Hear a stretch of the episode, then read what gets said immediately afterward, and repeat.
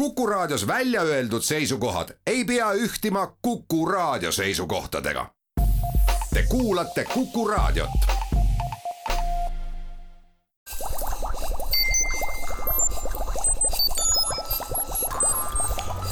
kukkuv õun head Kuku kuulajad, Kuku Õun eetris. täna pöördume oma teleskoobiga hoopis sellisesse valdkonda, milleks on majandus, mitte üldsegi kosmos. külla olen kutsunud Raul Eametsa, kes on Tartu Ülikooli sotsiaalteaduste valdkonna dekaan, majandusprofessor ja mina saatejuht Marek Strandberg. miks me seda teeme, põhjus on väga lihtne, näib nii, et mitte ainult Eestis, vaid kogu maailmas on tööturg, töö tegemise iseloom ja kõik asjad nii tugevalt muutumises, muuhulgas ka see, et mida inimestele üldse õpetada tuleb, peab ja saab, et on põhjust küsida väga otsene küsimus, mis meid õpetamise ja töö turu mõttes üldse ees ootamas on, Raul? aitäh ja tere päevast minu poolt ka. Ja natukene võib-olla hakkaksin äh, kaugemalt äh, peale, sest et kui me nüüd räägime tulevikust, siis see tuleviku ennustamine, nagu me teame, on suhteliselt äh, keeruline teema, et kui aastal kaks tuhat kuus oleks keegi küsinud siinsamas stuudios, et millist rolli nutitelefonid hakkavad meie elus mängima, siis oleks väga pika ja tühja pilguga ilmselt põrnitsema jäädud. sest nutitelefon ei olnud siis veel sellisel kujul, nagu me neid täna tunneme ehk siis isegi kui me räägime tulevikust, siis me peame arvestama, et tekivad mingid sellised valdkonnad ja teemad, millest meil ei ole täna õrna aimugi. aga kui nüüd rääkida nendest asjadest, mida me, mida me teame, siis eh, noh, näiteks eh, on ilmselge, et elanikkond eh, vananeb sellest me oleme palju rääkinud ja see toob kaasa väga selliseid huvitavaid äh, teemasid, näiteks et äh, meil tekib korraga selline mitmegeneratsiooniline töökollektiiv, kus meil on kahekümne kolme aastane, viiekümne aastane, seitsmekümne viie aastane. äkki ka kaheksakümne viie aastane? äkki ka kaheksakümne viie aastane, kuidas nad panna koos tööd tegema ja, ja kõige esimene küsimus, et kuidas see kahekümne nelja aastane saab üldse aru, mida kaheksakümne viie aastane räägib, nagu me siin äsja oleme kuulnud. tõepoolest on, on sõnad, millel ei ole noorema põlvkonna jaoks üldse sellist tähendust, mis on just, näiteks ju just sellesama viimse reliikviaga üles kasvanud inimestel. just ja, ja, ja tegelikult vastupidi ka, sellepärast et kui me vaatame noorte keeltekasutust, siis need ingliskeelsed terminid, mis sealt tulevad ja sellised äh, lühendid, ega need ei ütle ka minu põlvkonna inimestele väga palju või meie põlvkonna inimestele, nii et, et see, kuidas panna selline mitme põlvkonna, mitme põlvkonnaga kollektiiv ühiselt toimetama nii, et, et see ka ettevõtja või, või asutuse jaoks nagu kasu toob, et see on päris suur äh, väljakutse ma lihtsalt küsin vahepeale, et kas sinu väide selle kohta, et mõistete süsteemid, mida inimesed kasutavad ja ka keel, et see võib kujuneda üheks peamiseks takistuseks selliste? ei, ma arvan, et ma arvan, ma olen ka rääkinud siin inimestega, et põhimõtteliselt äh, saadakse hakkama, aga noh, see ei tule niisama ja kohe, et sellega tuleb nagu tegeleda, et, et nagu kohandada neid erinevaid positsioone. see ei ole ainult keel, see on ka see, et, et noh ühel on rohkem kogemust, teisel on rohkem energiat, kuidas see panna niimoodi toimima, et, et kokkuvõttes oleks nagu positiivne asi sellest välja. siis edasi, kui me niisuguseid suurimaid trende vaatame, siis me näeme, kuidas see tööturg muutub äh, eripalgelisemaks. Soorollide muutus, millest meil on palju räägitud, äh, rohkem eripalgelisi rahvusrühmi, sest inimesed äh, liiguvad, see kõik tähendab seda, et me peame tegelikult teadma ja tundma, kuidas inimesed erinevates kultuurides äh, käituvad, et mitte sattuda väga rumalasse äh, olukorda. siis ähm, üks asi, mis on natukene nagu häiriv, aga koos selle robotiseerimisega, ma arvan, et me jõuame sellest ka natukene rääkida. me peame sellest rääkima, sellepärast et see on üks äh, noh, igas plaanis väga tugevalt meie ellu sisse jooksnud temaatika. just, just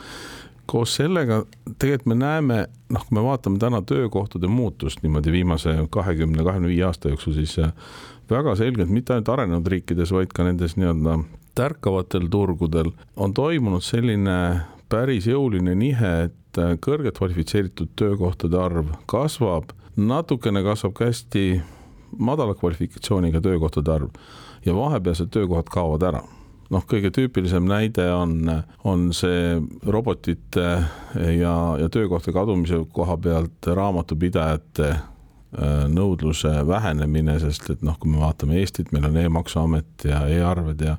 meil sellist traditsioonilist raamatupidajat enam näiteks vaja ei ole, et äh, aga see on ühiskonna jaoks on see probleem, sest et see tähendab seda, et nii polariseerumine kasvab, et meil on jõukad äh,, hästi makstud, hästi kvalifitseeritud tööjõud ja siis teises otsas on see vähe kvalifitseeritud, vähe makstud,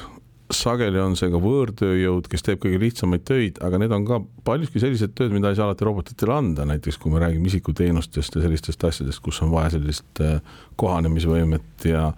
ja paindlikkust. ma küsin ja. siia vahele nüüd äh, asi, millest on ju kõneletud eelmise aasta detsembrikuust saadik, mis on ju kõnerobotmasin, mis on läbi lugenud kogu interneti ja esimesed katsed, mis tehtud on, on üsna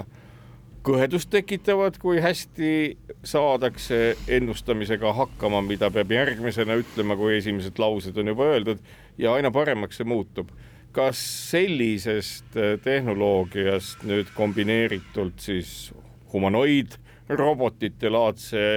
füüsilise esitlusega võiks hoopis ka abi olla, et äh, lõpuks ja. me suhtlemegi masinatega ja ei, ma noh, ma arvan, see on üks asi jah, et, et sa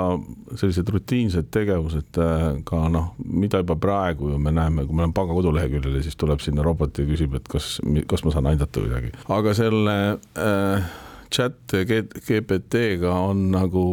see teema, et me peaksime tegelikult ka ülikoolides, me praegu pelgame seda, et noh, nüüd tuleb ja nüüd me ei saa enam esseesid kirjutada ja kõik on väga halvasti. peaksime seda tegelikult päris aktiivselt võtma kasutusse just õppeprotsessis, et õpetada ka seda kasutamist, ehk siis kui ma vaatan nüüd oma ülikooli õpetamise kogemust, siis noh, alati me ju kõik teame seda, et vanasti olid elu parem ja tudengid olid targemad, rohi oli rohelisem, aga noh, ilmselgelt on tudengite kirjaliku väljendamisoskus langenud, noh, see tuleb ka sellest äh, tänapäeva elulaadist ja teistest asjadest. lisaks sellele on kõvasti vähenenud ka tudengite suuline eneseväljendusoskus, sest äh, üldjuhul ülikoolis keegi suulisi eksameid ei tee, mida meie ajal nagu tavaliselt tehti. see oli üsna levinud jah, et tuli Just. teatavat retoorikat osata, vastas tõele jah ja nüüd noh, mida me näeme, et me näeme, et tõepoolest võib-olla see äh, kõnerobot või kirjutamise robot aitab järgmisi põlvkondi tööturul kirjatükkide tegemisel no,. no tegelikult arvan, ta... ka kõnelemisel, sellepärast et ka sellega saab ta väga hästi hakkama. jah, aga kui sa lähed tööintervjuule, siis sa ei saa lasta telefonil enda eest nagu rääkima hakata, et see äh, vastab tõele muidugi. et sul peab olema ikkagi mingites olukordades endal see oskus nagu esineda ja rääkida ja, ja ma arvan, et mit-, me ei peaks nagu pelgama neid uusi programme, peaksime õpetama neid, kuidas neid kasutada tuleviku tarbeks ja teistpidi harjutama siis sedasama suulist eneseväljendusoskus, sest see on äh, maru oluline ja see on täna päris ära kadunud või see on suhteliselt vilets. üks asi, mida muidugi selle chat GDP puhul tuleb mainida, on see, et ega see masin tüssab nii nagu jaksab, ega see, mida inimesed peavad õppima, on jätkuvalt aru saama udust ja päris asjadest ja seda treenib see masin küll väga hästi. just üks selline nagu tulevikuoskus, hästi oluline on see nii-öelda äh, mõtestamine, et võime nii-öelda kontekstipõhiselt mõista ja, ja, ja nagu kriitiliselt hinnata seda teksti, sest selline kriitiline lugemisoskus on tänapäeva noortel ikkagi ära kadunud ja me tegime eile sellise lõbusa eksperimendi selle chatiga, et trükkisime sinna sisse minu nime ja siis eesti keeles äh, noh, ühesõnaga nimi oli, kogu suhtlus käis eesti keeles ja siis tuli välja, et ma olen äh, suhteliselt tuntud äh, Eesti merebioloog, töötan Mereinstituudis, tegelen ökoloogiaga, olen algatanud mitmeid keskkonnaprojekte ja nii edasi, nii edasi. kas te ükski... küsisite, küsisite programmi käest, miks ta niimoodi bluffib, et kui küsida, siis ta ju vabandab viisakalt ja ütleb, et ta lihtsalt tuletas teksti? ei, me veel ei, seda ei küsinud, sest ma tegin edasi seda, et ma panin sisse Raul Eamets ja Tartu Ülikool tuli täpselt sama asi ja ma panin sisse Raul Eamets ja majandus. Ikkagi ma olin Mereinstituudis, nii et äh, jah, see ongi nüüd, miks seda kriitilist lugemisoskust nagu vaja on. Ja minu teada mul ei ole nime Kaime Eestis. ei, sul ei ole, ma olen teinud samasuguseid katseid väga mitmete inimestega ja teada saanud näiteks, et Juhan Aul, kes teadupoolest oli nii-öelda rahvastikuteadlane ja mingil määral geneetik, oli tegelikult Eesti Nõukogude Sotsialistliku Vabariigi keemik, kes tegi rida uusi avastusi. nii et äh, nii on lihtsalt. nii et äh, jah, selles, nendesse asjadesse see selline kriitiline ja lugemisoskus ja mõtestamine lisaks niisugusele programmeerivale mõtlemisele või mõtestamisele on väga-väga äh, oluline, sest et noh, ütleme ma olen toonud seda näidet jälle, kui õppimise juurde hüpata, et, et miks me peaksime näiteks viis aastat õppima turundust ja hästi kitsalt spetsialiseeruma, sest et võib-olla selgub, et ai roll nii-öelda turundusprotsessides ja juba praegu nagu hüppeliselt kasvab, ehk me peaksime hoopis lisaks turundusele õppima programmeerimist sinna juurde, ehk siis äh, nii-öelda arvutiga õppima inimesi äh, mõjutama, nii et noh, selliseid äh, ütleme, üks selline võtmesõna tuleviku vaates on kindlasti interdistsiplinaarsus, et ma olen kasutanud seda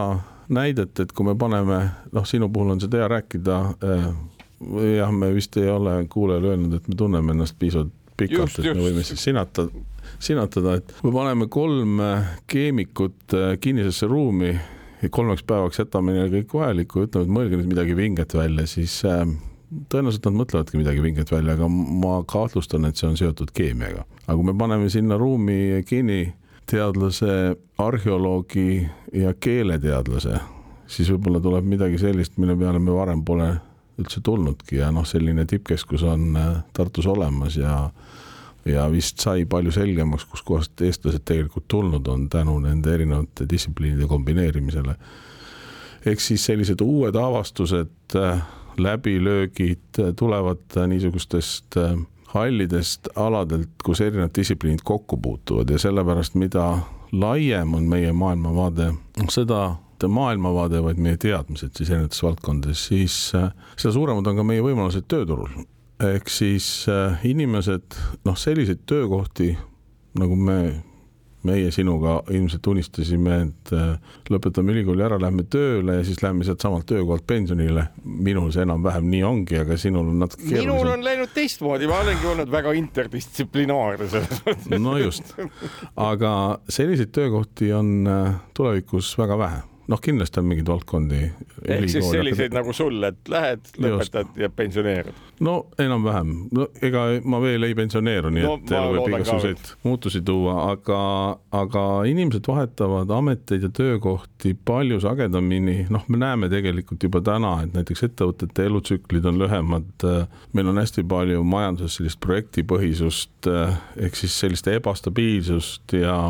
ja dünaamilisust on, on palju-palju äh, rohkem ja sellepärast peakski nagu ka need noored, kes täna õpivad, mitte nagu võimalikult kitsalt spetsialiseeruma. okei okay,, need on need, kes äh, tahavad doktorantuuri minna, nad võib-olla peavadki siis hästi kitsalt äh, spetsialiseeruma ja mida kitsamalt, seda parem on seal teadust teha. aga kes nagu orienteerivad ennast tööturule, siis peaks ikkagi võimalikult laialt seda maailma vaatama ja, ja, ja see annab nagu palju paremad võimalused nagu töökarjääri mõttes, et noh, me kipume nagu aeg-ajalt ära unustama, et et kui me õpetame erinevaid distsipliine ülikoolis, et siis me kogu aeg nagu mõtleme, et kuidas ta nüüd doktorantuuri läheb. aga meil läheb sada kuuskümmend inimest võetakse doktorantuuri aastas ja lõpetab kaks tuhat seitsesada, nii et noh, siin on päris suured vahed, kõik ei saa doktorantuuri, ütleme niimoodi siinkohal teeme saatesega väikse pausi ja kuulake meid pärast vaheaega edasi. kukkuv õun. Head kuulajad, Kuku Õun jätkub, saatekülaline Raul Eamets, Tartu Ülikooli sotsiaalteaduste valdkonna dekaan, mina saatejuht Marek Strandberg, räägime muutustest tööturul nõudmistest, mis hakkavad tekkima, mis mõjutavad meie majandust väga ja väga palju. no üheksakümnendate aastate alguses vist kuni kahe tuhandendate aastateni välja kõneldi Eestist kui sellisest noh, odava tööjõumaast, mis nüüd on jäänud minevikku milline peaks olema nüüd see majanduse struktuuri muutus, mis annaks meile siis võimaluse et äh, mujal olevate turgudega paremini toime tulla ja kas need mujal olevad turud ei ole ju siis ainult kaubaturud, vaid ikkagi ka teenuste ja ka sellised turud, kus nüüd sisse harjutud kaugtöö tegemisega võib kaasa lüüa. ja kindlasti on äh, need igasugused ebatraditsioonilised töövormid, äh, kodus töötamised, pilves töötamised, töökoha jagamised, töötaja jagamised, et neid tuleb nagu kirjusid koeri juurde ja seadusandlus ei jõua sellega kaasas käia, siis me maadleme, et kuidas me peaksime, noh, väga üks väga huvitav nagu probleem tekib sellest, et kuidas me maksustame inimest, kes pool aastat, ütleme niimoodi, ühe kolmandiku aasta töötab Eestis, ühe kolmandiku on Soomes ja ühe kolmandikuga väga külmaks ja pimedaks läheb, läheb Taisse ja tema firma kontor on äh, kellele ta teeb tööd, on Poolas ja peakontor on äh, Londonis. kuhu ta peaks maksma makse? see äh, on vist täna... veel eriti keeruline, kuna osad neist kohtadest, mis sa mainisid, on ka väljapool Euroopa Liitu, kus isegi Euroopa Liidu Just. ülene mingi õigusakt ju ei toimiks. nii et noh, see näitab, kui keeruliseks see asi tegelikult nagu äh, muutub ja, ja, ja noh, see eeldab nii maksustamise printsiipide, elukoha hindamise printsiipide ülevaatamist. me praegult näeme seda, kuidas IT-sektor on päris jõudsalt Eesti majanduses kasvanud, on ta on jõudnud juba vist kolmandale kohale, nagu me vaatame majandus harusid, aga kuskohast nüüd äh, kõik need töökohad tulevad ja, ja mis on see Eesti Nokia, ma arvan, et sellist Eesti Nokiat ei ole olemaski, et äh, me, me peame nii-öelda väetama seda põldu ja vaatama, milline milline lill nagu kõige ilusamalt äh, õitsema hakkab, et me tegelikult ei tea, kuskohast võivad niisugused uued, uued nüüd... Wise'i, Wise'id või Boltid tekkida. aga kui nüüd küsidagi, et ma saan aru, et sa oled mitte ainult seda mõtlustanud, et kuidas sellises äh, nii-öelda mitme töökohaga maailmas äh, toime tulla, aga kuidas siis, et mis on see innovatsioon, mis on see seos, mida meil on põhjust silmas pidada, sellepärast et ma saan aru, et paiksus on ühel või teisel moel ikkagi teatava noh, niisuguse mhm. päris orjandusliku inimese sidumise tagajärg, et ma olen riigi territooriumil ja riik hoolitseb ühel või teisel moel, mis siin asemele peaks tulema? ja aga ma arvangi, et see tegelikult on haridus on ikkagi võtmesõna siin, et äh, kui on äh, palju tarku inimesi, siis nad teevad iseendale töökoha või nad tekitavad nõudluse oma oskuste järele, et eh, noh, ma olen kasutanud sellist näidet, et kui eh, kui Saksa autotehas tahab Eestisse tuua oma tootmise, siis ta ei oota seitse aastat, enne kui me viissada inseneri koolitame, et tegelikult me peaksime selliseid insenere või IT-inimesi või noh, mis iganes valdkonda inimesi koolitama selleks, et meil oleks ja võib-olla isegi nad ei leia alati Eestis ja Eesti firmades kohe tööd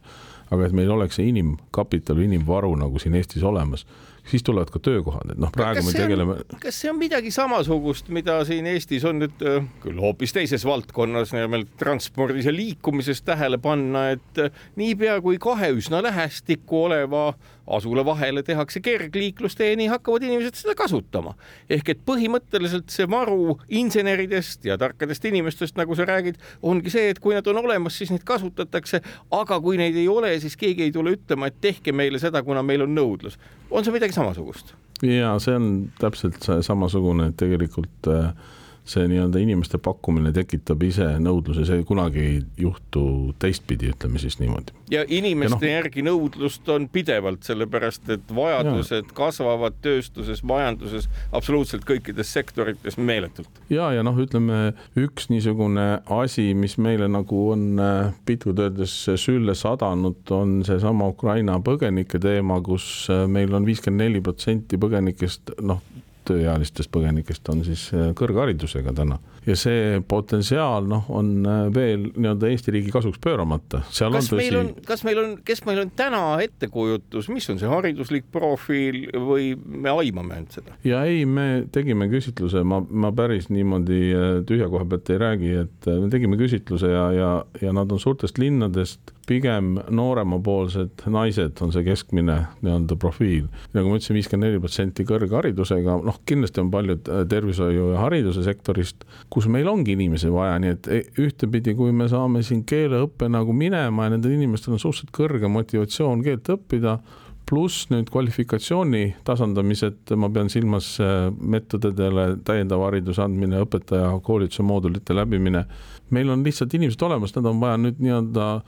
meie tööturu jaoks valmis sättida, selles mõttes, et meil on ju ilmselgelt on nii õpetajatest puudus kui ka tervishoius on äh, personalipuudus, et noh, see, see juhtus mõne inimese õnnetus, aga meile võiks, me võiksime vaadata seda kui positiivset asja, kui me siin suudame nad nüüd nii-öelda integreerida võimalikult kiiresti tööturule, sest see küsitlus näitas, et inimesed ei ole tulnud siia abirahade peale, vaid eelkõige tööd tegema ja raha teenima ja noh,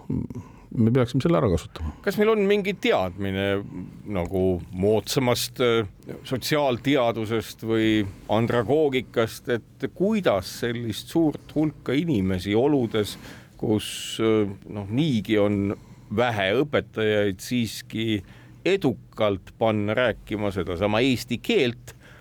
vigadeta eeldatavalt ja integreerida nad siis moel, nagu me ei ole suutnud seda siiamaani teha ju kolmekümne aasta jooksul muukeelsete inimestega. jah, noh, Ida-Virumaa on selles mõttes hea näide, kuna Narva kolledž on ka Tartu Ülikooli sotsiaalteaduste valdkonna osa, siis seal on olnud meil korduvalt selliseid häid näiteid, kus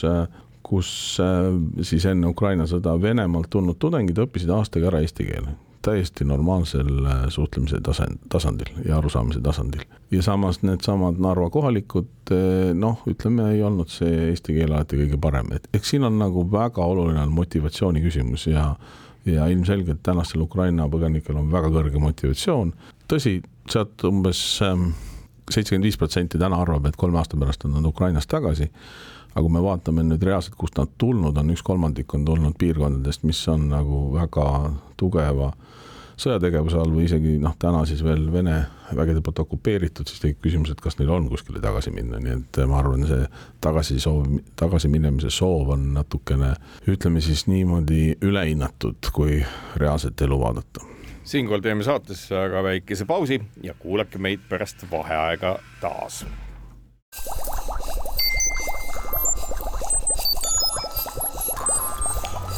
kukkuv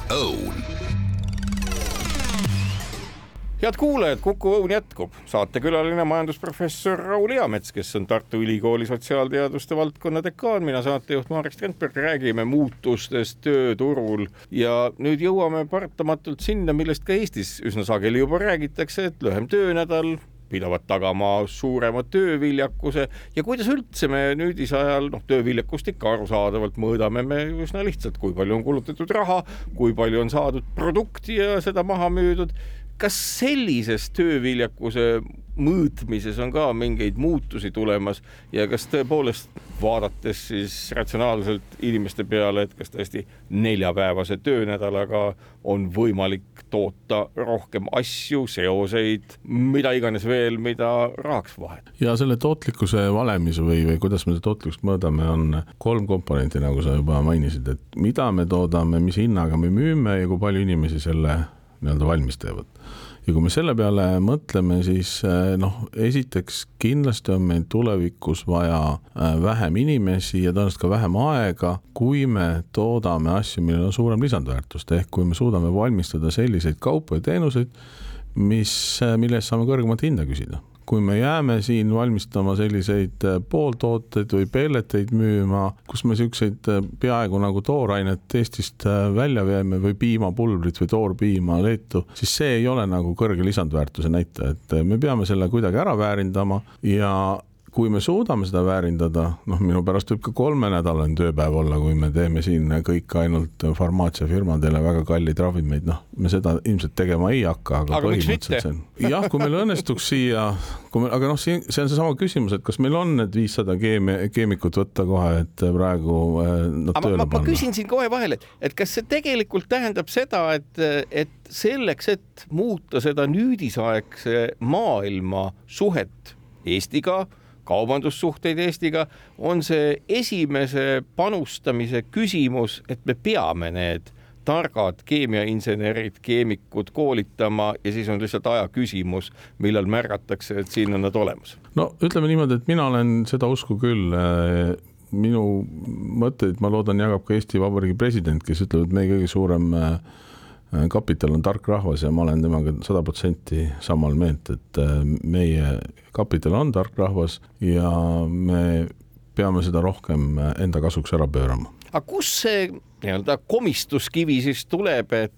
tekib olukord, kus no ei tea, ei ole tellimust, arutatakse selle üle, et millise haridusega inimesi me riiklikult tellime või ei telli, et kui see on tegelikkuses ju üsna selgelt äh, investeering tulevikku ükskõik millises valdkonnas, kuna puudus on inseneridest kõikides valdkondades, nagu teada, et kuidas seda otsust siis ei julgeta teha või kust see komistus tuleb? Oeh, nüüd ma nagu, kuidas ma nüüd ütlen, ma. ütle viisakalt või ütle otse, täpselt nii nagu soovid, eeter on vaba. ülikooli esi-, ülikooli esindajana jälle ma nagu ei taha, keel ei paindu ütlema, et ülikoolidel on liiga palju autonoomiat, aga see muidugi täna nii tegelikult on, et äh, riik on jätnud ülikoolidele väga suure otsustamisvabaduse, äh, mis nüüd ülikooli tooli peal istudes on väga meeldiv ülikoolide jaoks, aga võib-olla peaks äh, rohkem suunama. Noh, siin saab, saab seda mõtet igas suunas edasi arendada, on räägitud äh, õppelaenude kehtestamisest, mis oleks tegelikult nagu normaalsed, mitte sellised, nagu meil täna need õppelaenud on, esiteks on noh, nüüd võib juba öelda, et jälle normaalne intress, aga, aga veel kümme aastat, kümne aasta jooksul see ei olnud normaalne intress, summad on väikesed, ehk siis tudengid seda õppelaenu tegelikult ei võtnud, aga nad pigem eelistasid töötamist, aga teistpidi noh, me ju oleme ka seda varem Eestis rakendanud, et kui inimene läks avalikku sektorisse tööle, siis tema õppelaen kustutati näiteks, et noh, sa saad läbi sellise õppelaenusüsteemi äh, soodustada teatud valdkondades õppimist, noh, lisaks sellele on siin tulemusstipendiumid ja, ja sellised asjad, kus riik siis nii-öelda maksab tudengile peale. Äh, mulle tundub, vaadates seda tänast äh, üldist poliitilist tausta, et sellisest laus äh, tasulisest äh, kõrgharidusest keegi enam ei, ei räägi, et seda hambapastat sinna tuupi enam tagasi ei, ei pane. küll aga on teatud erialad, kus on kõrge turunõudlus ja seal on võimalik siis nii-öelda seda tasulist õpet äh, vaikselt sisse viia, seda on ka ülikoolid teinud. aga need muud riigi toetusskeemid, seesama õppelaenusüsteem ei ole nagu äh, kaasa või, või järgi tulnud kas sa oskad ennustada, et kui me nüüd ütleksime, et nii meil on, noh, tean, et inseneri valdkonnas, mis puudutab küll mehaanikat, elektroonikat ja muud sellist, on noh, puudus, ma ei tea, võib-olla on kolmandik, võib-olla pool vajaminevatest inseneridest olemas, mille tulemusena ka üks või teine valdkond ei kujunegi tervikuna välja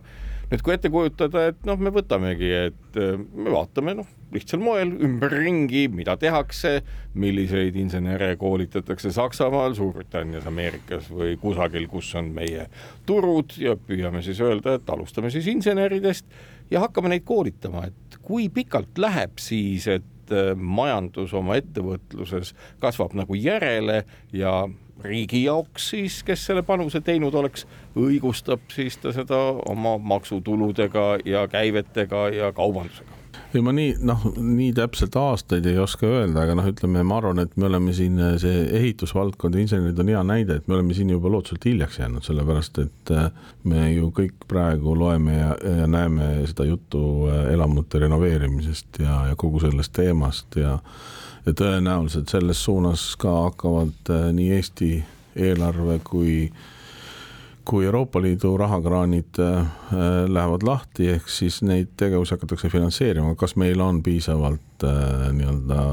seda inimkapitali selles valdkonnas, et uusi lahendusi välja mõelda ja nii edasi, nii et noh, tegelikult siin see on üks hea näide, kus, kus meil nii-öelda majandus mängib võimalused kätte või poliitika mängib kätte, aga meil ei ole seda, seda massi, kellega seda kõike nagu tegema hakata. siin on, on juba nagu... ehitusettevõtjad öelnud ja tundnud kerget hirmu ja kohe seletan, mille suhtes ja see on see, et mujal on neid inimesi rohkem ja kuna renoveerimine tänasel päeval on nagu, ma ei tea, moodulmaja ehitamine, eks ole, majale ehitatakse kasukas ümber, siis seda kohapealset inimest, kes laserskänneriga võtab selle punktiparve ja saadab selle siis kuhugi, ma ei tea, Hamburgi või Kopenhaagenisse kontorisse, kus sellest punktiparvest tehakse joonised, seal majatehas teeb valmis need elemendid ja et me oleme ka kaotanud selle turu võib-olla juba ka selles kontekstis, et Eesti maju hakkavad renoveerima need, kellel on see insenerlik võimekus olemas ja ei, see on reaalne, reaalne oht äh, täiesti olemas, aga noh, see on lihtsalt äh, näide sellest, et elu mängib mingid võimalused väga ootamatult kätte ja me ei ole täna lihtsalt selleks, äh, selleks valmis. aga kui nüüd tulla natuke selle jutu alguse juurde tagasi nendest tulevikuoskustest ja teemadest, siis on mõned asjad veel, mis ma oleksin tahtnud nagu ära, ära aga märkida, et et noh, ütleme see Covidi äh,, Covidi olukord näitas meile tegelikult, et kui oluline on oskus nagu panna inimesed äh, virtuaalsetes meeskondades tööle, sest et me ei saanud nagu enam äh, alati füüsiliselt kokku, vaid me suhtlesime läbi äh, interneti, nagu mina sinuga praegu siin just, suhtlen. ütlen, et Raul on Tartus, mina Tallinnas ja nii tavaliselt ju selliseid saateid ka tehakse no vot ja, ja panna sellised virtuaalsed meeskonnad tööle niimoodi, et, et see tulemus oleks ka selline, mida ettevõttel või asutusel vaja on, et, et see on üks väga oluline oskus, sellega käib kaasas ka muuseas empaatiavõime, mis, selline sotsiaalne intelligentsus, mida on ka võimalik äh, nii-öelda haridusega ja treenimisega juurde juurde kasvatada. Äh, ja, ja üks asi, mis ma veel tahtsin ära mainida, on üldse seotud selle uue meediakirjaoskusega ja, ja arusaamisega, mis on õige ja vale, see osa sellest kriitilisest mõtlemisest ja, ja võimest seda informatsiooni filtreerida, mis meie ümber on, et äh, need on paljud sellised oskused, mida ma siin olen nüüd järgemööda nimetanud, mille, millega tuleks tegelikult hakata tegelema juba lasteaiast peale, et see ei ole nüüd ainult äh, isegi mitte põhikooli või gümnaasiumi teema või ülikooli teema. kas ma, kas ma tunnen selles mõttes nagu õigesti, et minu, minu sügavamas kuskil teadvuses on ka nagu see asi, et meil on kuidagi kujunenud niimoodi, et see lasteaias pakutav haridus, et see on nagu kuidagi lihtsustatum, et pigem nagu tundub seal olevat vajadus sellise psühholoogia teadmistega ja inimese arengut puudutavate teadmistega inimeste järgi olevat väga suur, et, et peaks olema vist isegi niimoodi, et hea lasteaiaõpetaja või kasvataja, kuidas me teda näiteks nimetame, peaks olema veel paremini tasustatud, kuna inimene ju kujuneb välja lasteaia lõpuks juba täielikult kõigis oma oskustes ja ei, ma olen sellega nõus, noh, ma ei hakkaks äh, analüüsima nüüd lastete õpetajate õppekava, et ma arvan, nad saavad päris äh, korraliku äh, hariduse. aga sellega ma olen nõus, et, et palk paneb ikka väga palju asju paika ja, ja noh, lihtne küsimus, miks meil ei ole mehed lasteaiakasvatajad? no ma arvan, et seal põhjus on palk. just ja, ja, ja võib-olla ka see, et miks meil ei ole, miks meil noh, nagu ma ei ütle, et lasteaiakasvatajad on nüüd nagu nõus madalama palgaga selle tõttu, et nende mis iganes oskused on kehvemad, aga valikuvõimalused on lasteaiakasvatuse, kasvatajaks saamisel tõesti nii-öelda omavalitsustel oluliselt väiksemad. Ja ei noh, ütleme niimoodi, et üldine pilt ju ei ole selles mõttes halb, et kui me vaatame PISA teste ja võtame meie põhikooli Äh, laste teadmised, et äh, noh, see on minu arust täitsa okei okay,, aga noh, nüüd ongi küsimus, et kuskohast äh, lisaks nendele suurepärase matemaatika ja, ja muudele oskustele tulevad siis need sotsiaalsed oskused, millest me rääkisime siin, empaatiavõime, kultuuride tundmine, meeskonnatöö, loovus, noh, sellised asjad, mis nagu tulevikus mängivad väga suurt rolli, et kas meil on täna piisavalt ruumi kooli õppeprogrammides nende asjades, ma ei ole päris kindel selles, et me ikkagi arvame, et mm. noh, kui on keemia, siis peab ikka panema keemiat nii, et nagu noh, torust tuleb, et kõik, mida me teame keemiast või matemaatikast, aga nagu seda õhku nende teiste oskuste jaoks oleks ka natuke vaja. ma vaatan just ka teadusartikleid, et aina rohkem ja rohkem on fundamentaalseid tekste just nimelt selliseid, kus autoreid on kümme, kuuskümmend, sada, tuhat isegi ja kõik nad on autorid selles mõttes mitte nii-öelda kaasajooksikud või kuidagi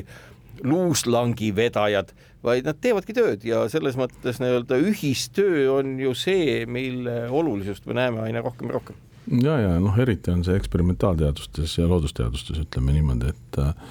sotsiaalteadustes selliseid kümne autoriga asju kohtub väga, väga harva. seal minnakse on... tülli võib-olla ennem jah, ja noh, ütleme, seal on ilmselt see tööjaotus natukene keerulisem, sest et äh, kui erinevates laborites tehakse erinevaid eksperimente, mis on ühe suure pildi väikesed osad, siis see tööjaotus on suhteliselt normaalne, sotsiaal, sotsiaalvaldkond on selline keerulisem siis ütleme niimoodi. Aga tehnoloogiad tulevadki ju eksperimentaalteadustest meile tuleviku jaoks tehnoloogiad tulevad eksperimentaalteadustest, aga need oskused, millest ma siin praegu rääkisin, tulevad humanitaariast ja sotsiaaliast, nii et noh, selles mõttes ongi äh, ülikooliharidus ja üldse haridus peaks olema nagu laiapõhjaline, et äh, me ei saa nii-öelda kinni äh, kirjutada ennast programmeerimisse või, või mingisse sellisesse tehnoloogilisse protsessi, kui meil ei ole seal kõrval inimest, kes selle noh, ma ei tea, näiteks ettevõttel maha müüb või, või, või välismaale selle maha müüb või, või leiab selle mingi rakenduse, nii et see, see peab olema laiapõhjaline, see sotsiaalsed oskused äh,, inimeste tundmine, see käib selle tehnoloogia asja juurde. siinkohal teeme saatesse väikse pausi ja kuulake meid pärast vaheaega edasi. kukkuv õun head kuulajad, Kuku Õun jätkub külas majandusprofessor Raul Eamets, kes on Tartu Ülikoolis ühtlasi ka sotsiaalteaduste valdkonna dekaan, mina saatejuht Marek Strandberg, räägime me tööturust, tööst tulevikus ja millest kõigest veel. teemasid on palju. üks uudis, mis nüüd tuli, on see, et äh, näiteks meie kauge lõunamaa naaber Leedu on õnneindeksis tõusnud maailmas kahekümnendale kohale Eesti on kolmekümne esimesel kohal ja Läti neljakümne esimesel kohal, seal eespool on oluliselt teised riigid. ma nüüd mõtlen seda, et kas ähm, asjaolu, et ähm, näiteks meist kolmest Balti riigist Leedu sellisem õnnelikum on, lõppkokkuvõttes mõjutab ka majandust või kas majandusteadlasena sa näiteks selles õnneindeksi kontekstis kolme riigi erisust ka kuidagimoodi märkad? no päris ühest korrelatsiooni äh, jõukuse, rikkuse ja, ja õnne indeksi vahel ei ole, sest et seal on päris üleval ka Ladina-Ameerika riigid ja, ja kolmanda maailma riigid, kus, mis ei ole kõige või osad Aasia riigid, mis ei ole kõige paremal majanduslikul järjel. noh, ütleme kindlasti, kui me võrdleme kolme Balti riiki, siis äh, meie selline ajalooline, religioonne ja sealt tulenenud ka kultuuriline taust on, on erinevad, et kui me mõtleme Leedut oma ajalooga, oma katoliku kultuuriga ja võrdleme Eestit, siis noh, me oleme ikkagi nagu päris äh, erinevad ja seda me näeme ka tänases orientatsioonis, kui me vaatame, kes on rohkem Euroopa poole näoga, kes on siin Põhjamaade poole näoga. Ja Läti minu arvates õnnetus ongi see, et ta on nagu pooleks, et Lõuna-Läti vaatab Leedu poole, Põhja-Läti mis on vana Liivimaa, vaatab Eesti poole ja mis on kultuuriliselt ja ajalooliselt väga sarnane Lõuna-Eestile, nii et äh, ma arvan, et need äh, need erinevused tulenevad ikkagi sellest ajaloost ja sellest kultuurilisest taustast, mitte võib-olla nüüd sellest, et kui, kui erinevad meie majanduse seisud praegu on, ma arvan, meil need väga erinevad ei ole, eriti Eesti-Leedu võrdluses. Leedu on meist küll natuke mööda rebinud, aga nende vahed ei ole väga suured nüüd, kui kujutada ette sedasama interdistsiplinaarsust, mida sa rõhutanud oled korduvalt õpetamises ja ka töö puhul möödapääsmatu asjana, kas selline interdistsiplinaarsus, töö jagamine, koostöö ja kõik muu selle juures, mitte niivõrd palju konkureerimine noh, ka töökohtade piires, ka töökohtade vahel, ka asutuse siseselt. kas see võiks inimeste teatavat nagu stressi vähendada? no kui ma vaatan nii-öelda teadlasi, sind või keda iganes, kui vestelda ja küsida, et kuule, kas oleks võimalik kirjutada sellest, teisest või kolmandast, siis üsna sage on ju vastus ei, ma ei saa. Ma kirjutan mingisuguseid grantitaotlusi või siis grantitaotluste lõuemisena saadud grantide täitmise aruandeid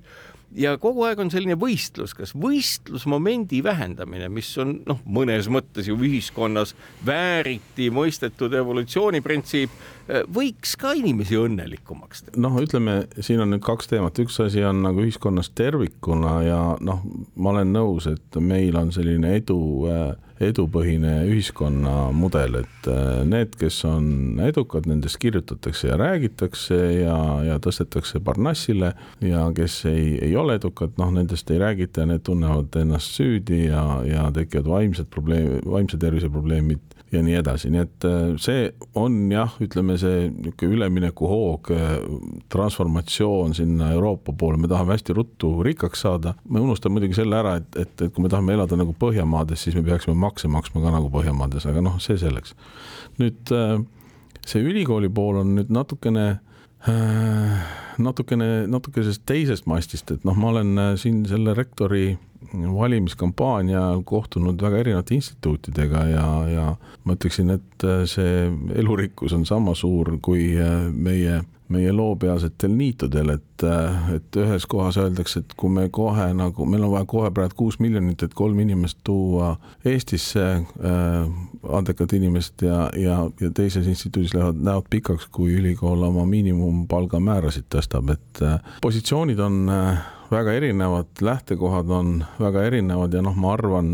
mida nagu riik saab siin teha ja peakski tegelikult tegema, natukene seda konkurentsipõhise ja siis sellise püsiva finantseerimise proportsioone muutma, et täna on nad ikka väga tugevalt kaldu sellise konkurentsipõhise rahastamise suunas, mis noh, kindlasti peab jääma, sellepärast et see näitab nagu taset ja kui sa suudad suuri rahvusvahelisi projekte koju ära tuua, siis see näitab, et sa oledki rahvusvaheliselt väga kõva tegija. aga noh, ma arvan, et see püsirahastuse osakaal teaduse rahastuses täna on kaheksateist protsenti näiteks Tartu Ülikoolis, et seda on natuke vähe. noh, kas me saame viiskümmend, viiskümmend, ma ei ole kindel, vähemalt selle suunas võiks liikuda, aga niisugust äh, töökohakindlust ja, ja, ja, ja noh, seda oleks nagu rohkem vaja küll, aga see eeldab jah, teatud selliste skeemide muutmist kas Aga sinu kas..., ja ma lihtsalt küsin, et sinu sõnum on nagu selles, et äh, kui sotsiaalselt äh, sidusaid inimesi, noh, halb termin, eks ole, võib-olla liialt, aga kes on suutelised koostööd tegema, kes on pädevad erinevates teadus- ja insenerivaldkondades, millel on tuleviku tähendus, kui neid lihtsalt koolitada ja anda neile selline entsüklopedisti baas või niisugune lai hariduslik baas, et siis ikkagi lõppkokkuvõttes selle majanduse niisugune füüsikalisest terminist võetud aegruum hakkab nagu selle massi ümber koonduma ja kunagi midagi sünnib, kuidas täpselt keegi ei oska öelda, aga paratamatu on see, et kui kusagil on nutti üle, siis võetakse see kasutusse. kui kuulaja näeks pilti, siis ta nägi, et ma noogutasin peaga, nii et noh, täpselt nii, täpselt nii ongi ja, ja ma olen tegelikult selles sügavalt veendunud, et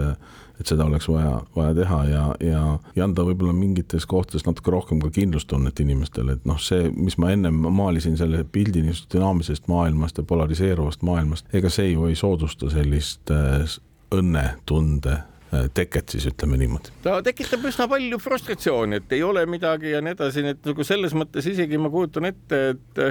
noh, inimene ju ise, kes saab teadmisi juurde, ta ju ei tunne, et ta on kuidagi üksi jäetud, vastupidi, et kui tal on häid teadmisi ja kui ta, ta, tema õpingud on soositud, siis vastupidi, noh, seesama küsimus, et, et kui kusagil on tarku, siis keegi ju neid kõnetab, kas kõnetab oma riik või keegi teine kusagilt, et see mehhanism on ju üsna lihtne, seal ei ole midagi keerulist. just, ja mul oleks siit on, oleks hea üks üleminek teha nüüd üks hirm, mis inimestel on olnud, on seesama automatiseerimine automatiseerimise hirm ja robotite hirm, et, et mis küll saab minu ja kas see on valdkond, kus masinad tulevad ja võtavad töö ära ja, ja mis saama hakkab, et noh, ma võtaks selle hirmu nagu selles mõttes kohe üritaksin vähemasti maha võtta, et kui me vaatame neid erinevaid tööstusrevolutsioone mis noh, kui me täna ütleme, et meil on neljas tööstusrevolutsioon nii-öelda käimas, aga vaatame varasemaid eh, seal, eh, mis, kui arvutid tulid seitsmekümnendatel või lähme veel ajas tagasi, kui, eh, kui aurumasinad tulid, siis kõik see ajalukku vaatamine näitab seda, et need suured muutused võib-olla esimese hooga natukene tekitavad äh, töötuid juurde, aga see mass neid uusi erialasid, uusi valdkondi, uusi töökohti, mida need uued tehnoloogilised muutused kaasa toovad, on nii palju suurem, et see, see netoefekt on alati positiivne, et kokkuvõttes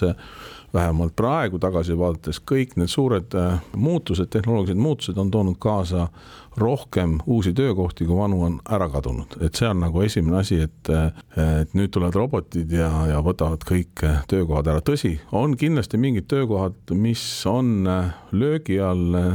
selline märksõna nende töökohtade puhul on sõna rutiin, et kui meil on mingiski asjas natukene rutiini elemente, siis seda on võimalik äh, automatiseerida. see võib, see ei ole mitte ainult autotehases autode kokkupanemise äh, liin või, või äh, ma ei tea, laod, kus robotid äh, logistiliselt liigutavad riiuleid. Äh, see käib ka näiteks nendesamade raamatupidajate kohta, see põhimõtteliselt käib ka silmalaseroperatsioonide kohta, mis on standardsed, ütleme siis niimoodi. et need, seal võib olla ka selliseid töid, mis on, nõuavad väga kõrget kvalifikatsiooni, kui me nendest silmaoperatsioonidest räägime. aga noh, ütleme väga palju on selliseid valdkondi, kus sellist rutiini ei ole, kus peab olema nagu paindlik, suutma nagu reageerida uutele olukordadele, noh, ma ei tea, võtame õpetajad, äh, siis äh, kõikvõimalikud, väga paljud sellised isiku, isikuteenindajad, kus on vaja nii-öelda kliendiga suhelda ja aru saada, mida ta mõtleb, politseinikud, näitlejad, psühholoogid, dirigendid, noh, see nimekiri on suhteliselt pikk, kus sellist empaatiat ja, ja kohanemisvõimet ja, ja ka loovust, sest ütleme täna ikkagi eh, need märksõnad, mis ma ütlesin praegu, empaatia, loovus eh, on asjad, kus tehisintellekt veel ei konkureeri inimesega. jah, kaovad ära need äh, dispetšerid taksodispetšerid, keda hellitlevad kiisudeks kutsuti, äh, kaovad ära äh, andmesisestajad, äh, noh, me näeme täna juba, noh, raamatupidajatest oleme korduvalt rääkinud, kaovad ära veel igasugused liinitöölised, juba on on põhimõtteliselt kadumas ära igasugused liinitöölised. kõik ametid, kus, kus me räägime sellisest rutiinsetest tegevustest, et need lähevad nagu löögi alla, aga nii palju tekib igasuguseid uusi ameteid, et noh, üldiselt ma vaatan nagu positiivselt selle, selle pildi peal. aitäh, Raul Eamets ja palju jõudu kandideerimaks Tartu Ülikooli rektoriks. ka teised kandidaadid on oodatud siiasamma Kuku Õuna saatesse oma ilmavaadet tutvustama. sellega on Kuku Õuna saade läbi, kuulake meid jälle täpselt nädala pärast ja kaunist päeva teile.